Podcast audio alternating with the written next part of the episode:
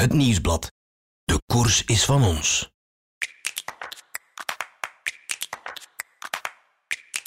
De koers was van ons. De koers is van ons. En de koers blijft van ons. Ook in het jaar van corona. En dus is dit, van het Nieuwsblad, het overzicht van een wielerjaar zoals er nooit eerder een was. Met Oliver Naassen, de mondigste van alle renners. En met wielerredacteur Bram van de Kapelle en eindredacteur Lars Godot. Vandaag deel 2 van deze vierdelige podcast. Bezigheidstherapie tijdens de lockdown. Maar uh, het is eigenlijk Vincent die mij gebeld heeft. Gewoon ook een keer op mijn dag. Oh, Vincent nu. hallo, alles goed? Ja, Olly, eh, ik wil u eerst vragen. BMC vraagt of wij het zitten om graag erbij te pakken. En als jij zegt, ik zit hier zitten, dan komt het er niet bij.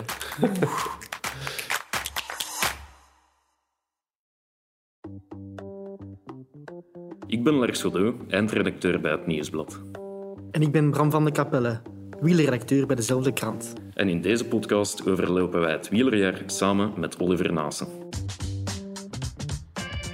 Oliver Naassen, we zijn aan het tweede deel van ons wielerjaaroverzicht gekomen en we kunnen er niet omheen, corona. Ik heb daar een tweede fragment van meegebracht, ook weer van de collega's van de Veer. Het hele peloton sleutelt nu aan de voorbereiding op de Vlaamse koersen en kruist de vingers dat die niet sneuvelen. Mag, dit hebben we echt niet in handen.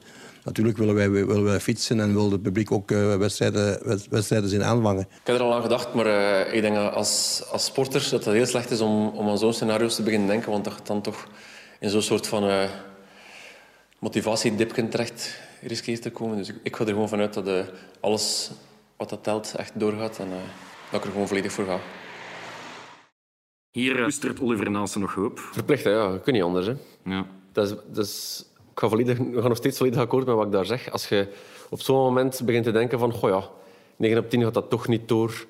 Als het dan wel doorgaat, dan zit er maar een schim van de persoon die je voordien wordt. Allee, psychologisch gezien dan. Mhm. Want dan ja, nee, je zit er niet meer klaar voor. Je zit er niet meer in. Je hebt, je hebt er misschien zelfs geen goesting meer in op den duur.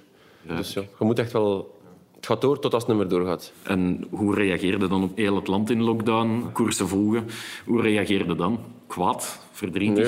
Nee, het zijn veel ergere dingen dan een koers op die moment. Ja. Ziek zijn in Parijs-Nice bijvoorbeeld. Ja, nee, maar ik bedoel, mensen, mensen die op intensieve liggen en, ja. en er niet meer van terugkomen eerder. Maar ja, dan, dan is sport natuurlijk bijzaak. Maar ja, uit een iets egoïstischer standpunt dan denkt denk je wel verder in van... Goh, tjue. het, is, het is niet ideaal als je, als je 29 jaar zit en als er een voorjaar geschrapt wordt. Mm. Maar dan kwam er toch al snel nieuws dat het voorjaar in het najaar zou gereden worden.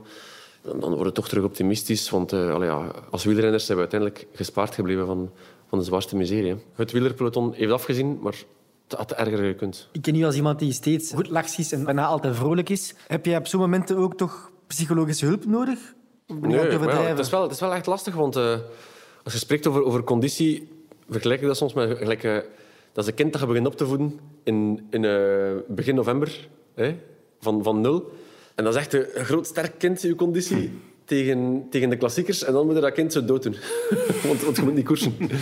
Verstaat? Dat is een rare vergelijking misschien, maar ja. het is wel, er kruipt gigantisch veel werk in, in zo'n voorbereiding. Dat is niet elke dag... Het is natuurlijk, leven is mooi en ik ga super graag fietsen met mijn maten en dat is fantastisch. Maar als je dan al dat werk gedaan hebt en je bent ook constant moe geweest, je hebt, je, hebt spierpijn gehad, je, hebt, ja, je bent op je, op appel gegaan in, uh, in de Ronde van Valencia om toch maar in vorm te kunnen zijn voor die klassiekers en dat dat niet doorgaat, doet dat wel zeer. Maar ja, het zijn nogmaals veel, veel ergere dingen. En uh, het was voor iedereen hetzelfde. Het was niet, dat, het is niet dat, ik alleen gestraft werd, dus de pijn werd wel gedeeld. Alle miserie werd verdeeld over, over de wereldbevolking. Dus... Door naar Vlaanderen viel nog vrij laat weg. Mhm. Maar het was zo... één avond was zo E3, Wevelgem en Ja. nog een paar koersen. Wat zeg je dan tegen Doreen die avond? Voilà, dit was het dan? Of, of moest je Ja, troosten echt? Of... Dus dat moet me niet, zeker niet troosten, maar eh, ja, dan, dan besefte ik wel van ja, oké, nu, nu is het echt wishful thinking om te denken dat de ronde wel gaat doorgaan. En eerlijk gezegd, dan heb ik ook zoiets van ja, dan heb ik liever dat het niet doorgaat. Want om zo zonder koersen naar de Ronde van Vlaanderen te gaan, dat is- zou absoluut mijn ding niet, niet geweest zijn. Dus eh, ja. Wordt er die avond dan een flesje wijn geroepen toe? Want ja, het maakt toch niet meer uit. ja, ik denk dat we wel iets gedronken hebben die avond. Sowieso, ja, dat is, altijd, dat is toch een moment van emotie. Maar het is niet dat ik hier eh, depressief zat of zo. Hè. Maar ja, de, de, je weet dat er een, een lange, lange, vreemde, misschien wel saaie periode zit aan te komen. Ja, ik, heb die, ik heb die wel goed kunnen invullen. En Ja, hoe, hoe heb je bezig gehouden eigenlijk tijdens die eerste Ik heb een paar dagen nadat de koersen afgelast werden en zo, een keer eh, de grenzen van Oost-Vlaanderen afgereden. Je weet dat misschien nog. Dat was zo een, een, waarom? Een oh, waarom? Ja, wel, dat was gewoon... Dat was echt gedag te verzetten. Dat was zo... Die, die psycholoog die ik niet nodig had, dat was, die, dat, was dat fietstop. Want we zaten aan meer dan 300 kilometer. Ja, dat was 370 kilometer of zoiets in die naart. Dus dat, was, dat, was, een megatour. Voor dag en dan? Ja, dat was met, met een maat van mij, Maxime Pirard, die doet vaak zo van die ultra-rides. Mm En die, die zei oh, lang van, moet ik meegaan en uh, dat is wijs. Maar ja, dat past natuurlijk niet in een, in een proftrainingsschema. Maar nu was dat zo, ja, weet je wat, we gaan een keer, gaan een keer iets zot doen. Ja. Maar ja. ik een Turken Maxime. En, uh, dus dan had hij, hij, had dat eigenlijk allemaal voorbereid. Hij had uh, zijn kilometriekje mee, extra batterij, uh, 15 gel, nee, nee, gewoon 15 gelletjes denk ik dat we mee hadden elk of zo. En uh, ja, bij de bakkers gestopt voor of en toen ik in een boel de Berlijn of, of in Klerken, gewoon waar we goestingen hadden.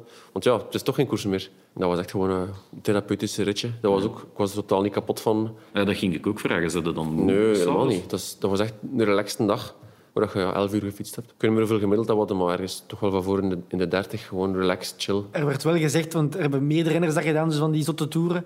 En andere renners die zeiden van ja, laat ze maar doen, want in het seizoen begint, dan, dan, dan, dan de weerslag. Tuurlijk, ja, ja, absoluut. Dat was ook niet, voor mij was dat ook geen, geen training. Hè. Inderdaad, dat is erachter volledig ontsport. Als je, als je je Strava opendeed, dan zag je elke dag dat er ik weet niet hoeveel renners 250, 280, 300 kilometer in, 400 zelfs heb ik gezien. Dat, zijn, dat is echt volledig geschift. Hè, maar, maar heb, jij, het, heb jij ook gedaan? Hè? Bij mij was echt twee dagen na het nieuws van, van, uh, ja, van oké, het voorjaar is afgelast. Dat was echt een therapeutisch ritje. Super chill. Uh, 11 uur dan een stuk gebabbeld. Relaxed. Dat was echt geen, dat was geen training. Een dag erachter heb ik niet gereden. Dan heb ik twee uur gereden. Dat was echt gewoon rustperiode. En fysiek heeft dat, heeft dat niets van effect. Maar inderdaad, achteraf hebben we ook van die dingen gezien van uh, 12 uur dan een stuk op de roller rijden. Ja, dat is een aanslag op je lijf. Uh, volle bak lopen, super, super rap, super lang, super rap fietsen. We hebben de gekste dingen gezien op Strava. En inderdaad, ja, dat, is, is natuurlijk niet slim. Ja, vier maanden of drie maanden voor, uh, voor je eerste koers. Maar dat was, dat was wel echt anders bij mij. En een paar van die renners dat dat deden, die hebben dan ook wel minder gepresteerd nadien. Ik denk dat Egan Bernal heeft ook zo zot gedaan. Ja, ja. Thomas heeft drie keer twaalf uur op de roller gereden, ja, ja, absoluut. Ik heb ook gezien... Uh, en die was dan wel bij de hervatting niet zo top. Is dat dan is dat, dat toeval, denk jij? Of? Ja, ik krijg de rekening altijd gepresenteerd voor zo'n dingen. En, maar Bernal, dat is een jongen, die is 22 jaar. Vorig jaar deed hij ook geschifte dingen op training. Mm. Moet, hij zijn, moet hij zijn Strava van vorig jaar met een uitpluizen voor een Tour. Dat is ook echt ongelooflijk wat hij allemaal gedaan heeft. En ja, dat is, dat is wat ik in het begin zei. Training is altijd maar elk jaar opnieuw opbouwen en zoeken waar je limiet ligt. Hij heeft hem gevonden. Dus, ja, van, de jaar, van de jaar was hij volledig overtraind en uh, ja, heeft, hij wel, heeft hij wel een beetje slagen gekregen. Ja. Maar ja, vorig jaar heeft hij ook gigantisch veel gedaan en wint hij de Tour met ja, mm. toch wel redelijk wat machtsvertoon. Ja, tijdens de lockdown vroeg het mij af, heb je vaak bezoek gekregen van de dopingcontroleur? Uh, nee, die nog langs? Nee, niet. Maar ja, je kunt er, zo, kunt er zoveel commentaar op geven als dat we willen. Ik snap ook wel... Moest ik dopingcontrole krijgen tijdens de lockdown, je zou ook niet snappen waarom. Want met welk doel zou je nu iets, iets misputten? Als je zover voor de koers zit... Ik weet, niet, ik weet natuurlijk niet... Ik ben ook geen, geen dokter of zo, maar ik zou echt geen dopingprogramma starten. Als je niet Maanden weet. Voor, voor misschien nu een eerste koers. Ja. Allee, ik zou sowieso geen dopingprogramma starten, ter verduidelijking. Maar toch, zover, dat zou gewoon echt onlogisch zijn. En ik vond dat er wel iets te veel kritiek was op, uh, op antidopinginstanties. Want ja, eigenlijk moeten we, moeten we dat steunen. Hè. We moeten, niet, we moeten al, al die inspanningen toejuichen, maar ja... En hoe gaat zo'n dopingcontrole in social distance regels eigenlijk? Well, ik heb nu toevallig van de week controle gehad. We zien een prikgaatje nog net op mijn ja. Meestal is dat om zes uur s morgens. Ding dong aan, aan de deur. Hallo, wij zijn persoon X en Y van... Uh, van, van de dopingcontrole in opdracht van de UCI. Oké, okay, kom maar binnen, uh, stilletjes zijn, mijn vriendin slaapt nog. Uh, zet u aan tafel en dan ontsmetten ze heel die tafel of heel, heel het werkvlak waar ze gaan uh, op werken. En dan zeggen ze, ja, het is, het is bloed en of urine. Dan moeten we in, in potten gaan plassen in, in het toilet. En dan de man, het is altijd een man en een vrouw, de man gaat dan mee. Die kijkt dan als je in dat potten aan het plassen bent. Maar gaat dat met anderhalve meter? Nee, toch? Dat is mijn masker op. Als je, als, ofwel is het anderhalve meter en als dat niet gaat, moet je masker opzetten. Maar is anderhalve meter plus masker. En ja, als ik zeg, die, die mensen gaan mij interesseren, die staan niet naast mij. Die staan zo schuin achter mij te kijken van, uh, gebeurt daar niets louche? En dan is het uh, priksje, bloed trekken, alles verzegelen, de nummertjes checken, alles invullen en bedankt tot de volgende. Maar dus eigenlijk is er weinig veranderd? Nee, niet echt. Nee. Maar natuurlijk, als hebben dan, dat is een, op een iPad dat je alles moet invullen. Alles wordt ingevuld en dan wordt die iPad afgewreven. Dan moet ik mijn handtekening zetten. Dan wordt die iPad weer afgewreven met zo'n uh, ontsmettend doekje. Dus ja, iedereen, doet zijn best, gelijk, gelijk overal. Hè. Nog in die lockdown, bijna een geschenk uit de hemel, de containercup. Ja, dat was tof. Hè? Maar ik was er volledig kapot. Maar uh, dat was wel... Van als ze mij dat vroegen, was dat wel iets dat ik meteen dacht... Oké, okay, dat, dat is... Uh, dat is tof, daar gaan we een keer, een keer voor gaan. De Battle of the Different Sports. En nu speciaal voorbereid daarop? Nee, maar dat gaat niet, want ik wist ook niet wat, wat we moesten doen. Ah, je wist dat niet op voorhand? Had ik dat gevraagd, had ik me dat waarschijnlijk wel gezegd, maar ik heb eigenlijk gewoon niet gevraagd wat we moesten doen. En dan uh, kwam ik daartoe. Dat was dan een, op de trein van, uh, van dingen, van Tomorrowland. En toen hebben ze me uitgelegd van uh, het zijn deze proeven en, en voilà. En schrik gekregen dan als je alles hoorde? Want dat is de monkey bars bijvoorbeeld, dat zag er maar toch allemaal niet zo simpel uit. Het zijn van die dingen... Uh, de laatste keer dat ik dat gedaan heb, moet ik vijf jaar geweest zijn op, op de speeltuin of zo. Dus ik had dat ooit wel eens gedaan, maar... Ja. Dat is gewoon ook tof. Het maakt, maakt, niet echt uit wat je doet, maar voor anderen kijkt en uh, we mogen niet teleurstaan. Hè. Je hebt toch Jalo gedaan vroeger? Ja, ja, dat klopt, ja, maar daar, daar hebben ze geen monkey bars. Dus ik wist niet dat het echt een, een Olympische sport is, monkey bar hangen. Dat zou misschien wel nog een leuk idee zijn eigenlijk. Oh, maar die, pas op, een echte, een echte monkeybarhanger die kan uh, denk ik dag en nacht op en af klimmen. Dus. Hoeveel heb je er geld eigenlijk toen? Weet je dat nog? Hmm, 50 of zo, denk ik. Dat is niet slecht. Nee, nee, nee. Was, slecht. was ook uh, een tweede of derde. Zo van nog. Is dat iets al leefde binnen het peloton? Uh, ja, want ik wist dat Lampard voor mij gegaan was, dus dat ik was zoiets van, ah, die mag echt niet voor mij zijn. En uh, Grijdy zei, ik ga misschien meedoen, maar ik weet het nog niet. Maar die wist natuurlijk wel dat hij wel ging meedoen dacht ik, ja, die, die gaat zeker niet voor mij zijn, want die kan alleen maar fietsen. dacht ik. Maar die was dan wel voor mij. Ik wist dat Mathieu ging meedoen. Ik wist dat hij zeker voor mij ging zijn. Ja, uiteindelijk, ja, dat was, wel, dat was wel tof. Dat was wel redelijk wat onderlinge rivaliteit. Dat was echt wel, ja. Waar ze ergens geëindigd binnen de wielrennerscategorie? Een derde, want Mathieu won voor Greg. En ik was, ik was een derde. Ja. is nog wel oké, okay, Ja. Zwaard voor wat van aard. Ja, ja. Maar had ook meer sterren gekregen in de krant. Ook, ja, inderdaad. Dus, uh... Wat had maar één ster, dus... dat is die motocrosser. Dat ook natuurlijk zijn plaats kennen. Als ex-motorcrosser had jij ook wel een voordeel uh, op de Monkey Ja, ja, ja. Blijkbaar. Nu ja, nog een nieuwigheid uit uh, virtuele koersen. De Ronde van Vlaanderen, ja, ja, ja. onder meer. Daar dan speciaal op voorbereid? nee, niet echt. Nee, ja, dat, is, dat is mijn sport. Ja. Dat is wat ik elke dag doe. Dat was één uur, denk ik, of drie kwartier of zoiets. En dat was uh, vol een bak, echt vol een bak gedurende, gedurende drie kwartier. Mm-hmm. En voor de Ronde van Vlaanderen was ik echt wel gemotiveerd, want ja, dat, was, dat was goed ingekleed, mm-hmm. goed georganiseerd ook. Het was een beetje iets anders voor de mensen, allee, om toch de mensen iets te kunnen aanbieden. Mm-hmm. Fysiek was dat ook wel echt een ongelooflijk zwaar uur. Ja, ik heb het gevoeld toen. Ja, absoluut, dat was, dat was verschrikkelijk lastig. Dus uh, ik was er wel voor gemotiveerd en ik heb me er wel echt voor gesmeten. Ja. Ik heb er ook denk ik mijn, mijn beste drie kwartier ooit gereden, qua, qua wattages en ook qua aardslagen. Dus dat was iets fenomenaal. Maar dan ja, natuurlijk de week erachter is en nu gaan we een virtuele ronde van dit doen en nu gaan we nog een keer een ronde van, van dat doen. Oeh, Eén of twee keer per jaar, oké, maar dat is niet de bedoeling om dat alle weken te gaan doen voor mij. Heb jij die beelden van de Ronde van Vlaanderen er bekeken nadien? Een stukje, ja. Was je verbaasd over je eigen grimassen? Oh, ik wist dat, ja. Ik voelde mezelf bezig. Hè. En ik weet dat nog, want ik was, ik was bezig. Dus je, zei, je zit voor je tv met dat, met dat computer aan voor die software te laten lopen. En dan was ik mezelf op een driepikkel aan het filmen met die gsm dat dan ook meteen aan het streamen was naar de VRT. En die zonden dat net op tv, dus die gsm was wel een belangrijk deel. Dan kwam er juist iemand aanbellen aan de deur en dan sprong die, die bel, die is ook met een gsm gelinkt. Dat was iemand die een keer goeiedag kwam zeggen. Allee, buiten, was een vriendin van mijn vriendin die een keer goeiedag kwam zeggen. Dus die moesten sowieso buiten blijven. Maar uh, heel mijn spel was uitgevallen. Ik moest dan even stoppen met trappen, dat spel terug aanzetten en uitzetten. Dus uh, ja, dat was een... Dat was tijdens, ja, dat was tijdens die koers. Dus, daar dus dat heel... is ermee dat ik verloren ben, hè, natuurlijk. Heel veel tijd verloren. Anders, anders had ik nooit niet verloren. Hè, ja. Het is wel een ongelukkige timing, natuurlijk. Uh... dat was pijnlijk. Dus dat is het excuus waarom dat je niet gewonnen hebt. Uiteraard. Dat kan toch niet aan mij liggen, zeker? Er moet toch wel die bel geweest zijn. en je hebt ook aan Rick verteld? Ah ja, natuurlijk. Die verstond ook niet waarom hij gewonnen was. Hè. je vertelde het eerste week ook al. Dan begon het virtuele koersen. Ook de Baloise Belgium Tour. Een van uw concurrenten, ik zal de naam misschien niet noemen, die heeft dus zelfs moedwillig gesaboteerd. Vrezen. Ja, inderdaad. De naam is gevallen. Ik had hem beloofd dat ik hem even ging, uh, ging Ja, ik weet het. Ja. Als je van vrezen niet geflikt zet, is het vergeten. Hè. Dat is iemand die heb ik ooit ook eens aan een podcast-interview onderworpen. Over gekke toeren tijdens de lockdown. Kan altijd gekker. Daarom is het ook Laurens de ja, Die heeft een, een, marathon in zijn tuin gestapt. Ja, die, heeft, die heeft de zotste dingen gedaan. Ik. Hij is uh, de Quarantine Champion. Is dat zo? Wat, mij betreft wel, ja. Ik heb, uh, ik heb dan ook moeten smijten. Dat is een mooie titel. Kijk eens dan een titel voor Laurens de Vrezen. Die virtuele koersen, zeg nu eens eerlijk, moet dat blijven of niet? Ik zeg het, het is, het is niets voor mij om dat elke week te doen, maar het is daar wel een plaats voor. Want als je ziet op Swift hoeveel mensen dat erop zitten, alleen om maar één software te noemen, dat is echt wel gigantisch. Dus er zijn toch veel mensen dat er ook ergens geïnteresseerd in zijn. Dus bij gevolg moet er ook een markt voor zijn, denk ik dan.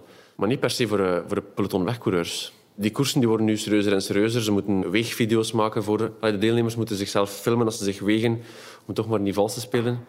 Dus uh, ja, dat zou wel een plaats hebben in de wielerwereld. Maar ja, Oliver, ga jij er dan mee doen? Uh, als het niet moet, niet. Nee. dat is ook gewoon een heel andere inspanning. Mijn sterk punt is juist uh, het laatste uur in een koers van zes uur. Dat is niet hetzelfde als uh, de eerste 45 minuten in een koers van 45 minuten. En heb jij nadien naar van die virtuele koersen gekeken, zoals de Giro of de, de, de verschillende wedstrijden georganiseerd nadien? Niet echt, nee, want ik wist ook van... Ja, ik reed thuis op mijn rollen die wel precies zijn, die wattage. Ik moest een keer op stage, op hoogtestage met de ploeg ook een e-koers rijden. Maar dat waren een rollen die echt niet precies waren. En toen reed ik super slecht, met enorme inspanning ook. Dus ja, ik weet ook wel, de winnaar is niet per se die dat hardst getrapt heeft. Dat hangt ook veel af van, van hoe goed dat je, je materiaal is en zo. Het is nog een beetje werk aan, maar dat kan misschien wel nog leuk worden. En eerlijk, heb jij het juiste gewicht ingegeven met Ronde van Vlaanderen? Ja, dat wel, ja. Ja, dus precies toch even nadenken. Nee, nee, nee. Ik, dat ik, uh, ik denk dat ik 72 gegeven had en dat, dat is echt wel mijn competitiegewicht. Ja, en als ik 72,7 gewogen heb, dat kan, maar het zou er zeker niet veel af geweest zijn. Want er zat ook, zat, zat ook iemand van de organisatie een bericht gestuurd naar mijn vriendin om te backchecken hoeveel dat ik woog. Effectief? Ja, ja maar die, dat was wel een vriendin van haar ook, dus ze waren er toch wel mee bezig. Want er waren een aantal renners, zijnde Yves Lampaard, die was niet te spreken over zijn prestatie. En hij zegt, ja, dat kan niet dat die rest zo rap reed, want ik heb ook de beste wattages. Ja, Yves, ja, kijk. Het zal net toch niet zo goed geweest zijn, uw wattages, zeker. We zullen het ja, het, het ligt veel aan de precisie van, van uw rol. En Yves zal misschien een rollen hebben die een beetje onderschatten. En ik heb misschien die er een klein beetje overschatten. Viel de lockdown eigenlijk financieel mee? In die zin, ja, er valt veel weg. Het waren onzekere tijden. Maar bij Lotto Soudal was het wel heel frappant. Loon moeten inleveren en zo. Maar het allemaal in de krant kwam. Het waren ook veel ploegen waar het niks van in de krant kwam. Hè. Is dat bij u het geval geweest? De Franse wet is, uh, dat is, dat is zeer beschermend. Dus wij hebben niets moeten inleveren. En wij hebben de renners in Franse ploegen, denk ik dat de meest uh, gespaarde waren van, van het wielerpeloton. Dus... Mm -hmm ja, gigantisch veel geluk gehad daarmee. Er valt natuurlijk wel iets weg. En, ja, je valt geen bonus omdat je de koers niet kunt rijden. En uh, je hebt geen criteriums, je hebt geen kermiskoersen. Er valt iets weg, maar het is, het is niet te vergelijken ja, met iemand die in één keer 40% moet afgeven. Of zo. Mm -hmm. 40%, ja, ik las dan ook zo die, die commentaren op, uh, op bijvoorbeeld een, een sportsartikel of op een nieuwsbladartikel. En mensen zeggen dan, oh, maar, je moet er geen compassie mee hebben, want het zijn allemaal miljonairs. Maar dat is absoluut niet waar. Hè. Er is ook zoiets als minimumcontracten. Oké, okay, daarop mm -hmm. kun je natuurlijk geen 40% afgeven, maar ja, als je ik moet niet weten wat, dat, wat dat jullie verdienen, maar ja, uw, uw uur of uw, uw huis afbetalen, dat is ook gebaseerd op wat, dat, wat dat je inkomen is natuurlijk. Ja, absoluut. En als in één keer uw baas belt, ja, we gaan, we gaan dan een keer even 40% afhouden van uw loon. Ja, het is goed, bel dan naar de bank, dat is ook 40% van mijn lening korting geven. Zo, zo werkt dat toch niet? Nee, inderdaad. Kom me daarin opwinden. Ik vond het fantastisch dat wij niks moeten inleveren hebben. En niet omdat ik zo een of andere hebberige mafkegel ben, maar dat zijn gewoon gemaakte afspraken. Dus die, die, gasten van, van Lotto en zo, die hebben ook die Zwift-koersen gedaan om toch maar iets te kunnen teruggeven aan de sponsor. En die hebben ook gravel-toestanden liggen doen om er een fiets in beeld te brengen en, en noem het allemaal maar op. En als ze dan zeggen, ja, we gaan die loon een keer halveren, ik weet niet, maar dat ze toch niet pakken met mij. Nee, nee, nee. Dus omdat die terras in de licht heeft iets te maken met de betalingen van. Desert dat niet doorgekomen zijn? Eh. Het feit dat die licht bewijst dat, dat ze het wel doorgekomen zijn. nu ja, los van inleveren of niet, best wel straf in die onzekere tijden. Gaat meneer Naasten even een contractverlenging tekenen. Dat is toch ook wel heel uitzonderlijk. Iedereen die volgend jaar nog koerst, heeft een contractverlenging getekend, denk ik. Hè? Ja, maar ik bedoel, in die onzekere tijd, dat was onze... Vraag ten eerste. Ja. ja, ik weet het, maar dat is ook een, een aanbod dat lag er eigenlijk al van vorig jaar. En we hadden gewoon gezegd tegen de ploeg, dus Jannik, mijn manager en ik, we hadden afgesproken en ook met de ploeg gezegd van perfect, alles goed, we willen, we willen wel blijven, maar uh, ja, we gaan natuurlijk wel wachten tot naar Roubaix, want dat is, dat is, de belangrijkste periode van het jaar voor mij. Het zou maar een keer per jaar moeten zijn. Ja. Hè? Ja, is het dan niet en is het gewoon in, in de lijn van wat ik tot nog toe gepresteerd heb, dan, dan tekenen we bij. Is natuurlijk wel mijn jaar, ja, dan moet ik even heronderhandelen. Dat zien we nu ook met, met Wout van Aert bijvoorbeeld. Die ook wel blij is dat hij in de contract is volgend jaar. In de krant zei je erover, ja, op alles wat ik vroeg, zeiden ze ja. Ja. Wat heb je dan allemaal gevraagd? Hoe moet ik me daarbij voorstellen? Is dat ja, een loonsverhoging, een auto, weet ik veel wat? Uh... Nee, dat, is, dat, is meer, eh, dat was meer technisch. Zo van, uh, like materiaal en zo. Het contract met onze sponsor liep af, dus ik had wel iets van, ik moet wel echt weten wat dat gaat zijn voordat ik bijteken. Want sport wordt ook technischer en technischer. Je kunt vaak zien als ploeg A gigantisch goed marcheert. Dat is niet omdat die coureurs allemaal zoveel beter zijn en omdat die zo'n goede trainer hebben. Als een ploeg volledig voltallig marcheert, is dat omdat die goed in vel zitten, één, en omdat die goed materiaal hebben. Als je met slecht materiaal... Je hebt ook ploegen die in hun totaliteit niet marcheren. Dan zou ik toch al snel naar het materiaal gaan kijken en ja, of dat daar niks aan schort. Dus uh, ja, dat was toch wel het belangrijkste. En ook ja, wat dat de, de ploegmaats gaan doen. Transfers, inkomende transfersversterkingen en zo. Ik heb bijvoorbeeld Gijs van Hoeken en, uh, en Stan de Wolf had ik, had ik voorgesteld bij de ploeg. Ja, dat is allemaal geen probleem geweest. En dat materiaal is mij ook bevestigd voordat ik getekend had. Dus. dus je wist toen al dat je met BMC zou rijden? Wel, het waren toen nog twee opties en het waren twee supergoeie opties. Dus ook. En je wou, ik wil met schijfremmen rijden, ik wil met die fietsen rijden? Oh, ik denk dat alle goede merken verplichten schijven. Het zijn de weinige merken die nog uh, produceren zonder schijven, denk ik, van de toppers.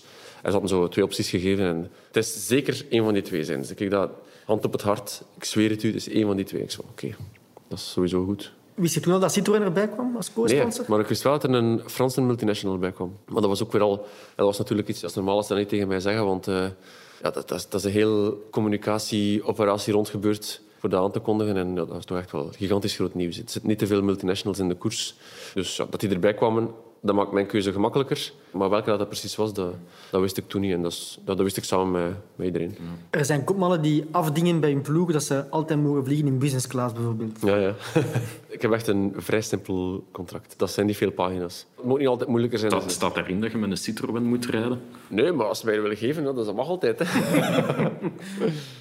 Welke auto heb je nu? Een uh, BMW. Een BMW, met de volgende nummerplaat. Ja, een beetje Johnny gedraaid natuurlijk. Ja, toch een restantje van een Johnny-periode of zo.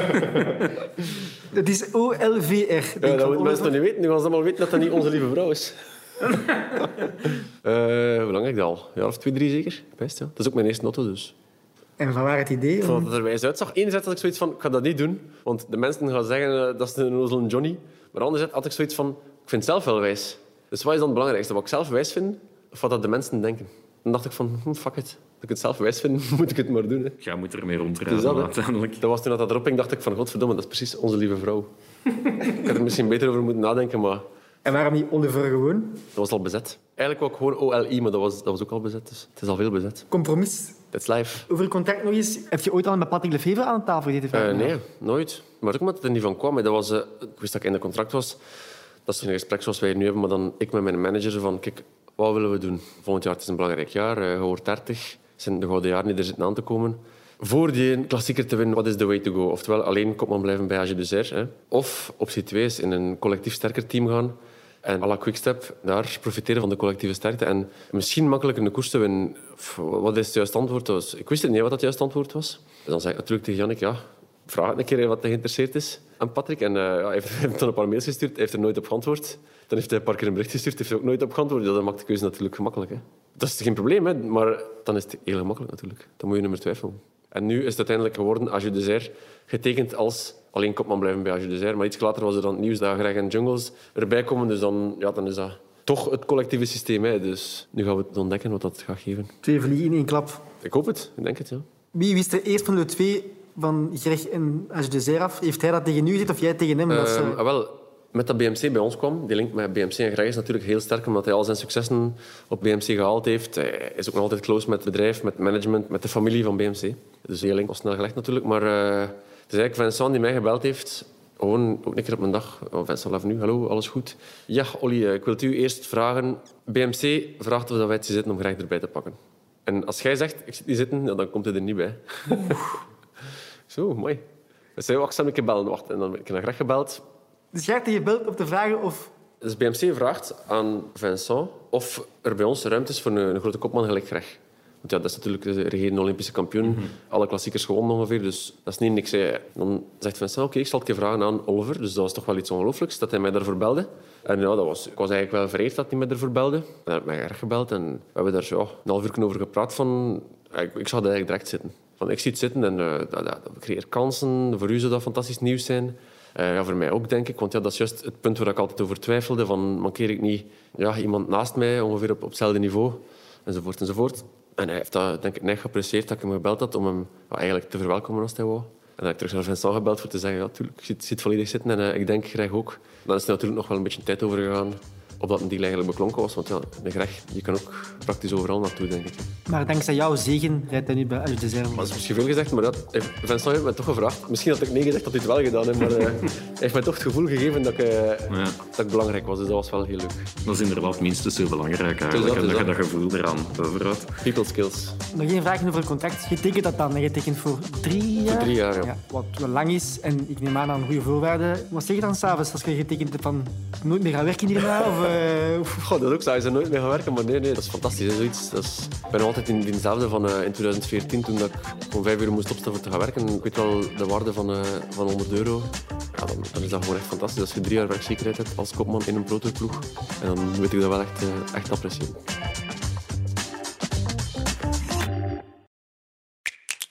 Dit was deel 2 van het wielerjaaroverzicht van het Nieuwsblad.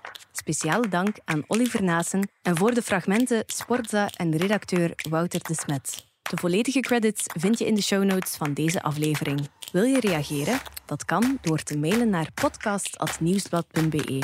Als je deze podcast leuk vond, abonneer je dan via je favoriete podcast-app en beluister ook meteen de stemmen van Assise en Shotcast, de twee andere podcasts van het Nieuwsblad. Schrijf gerust een review, zo toon je ook anderen de weg.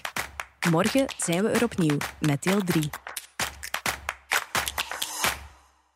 De koers is van ons.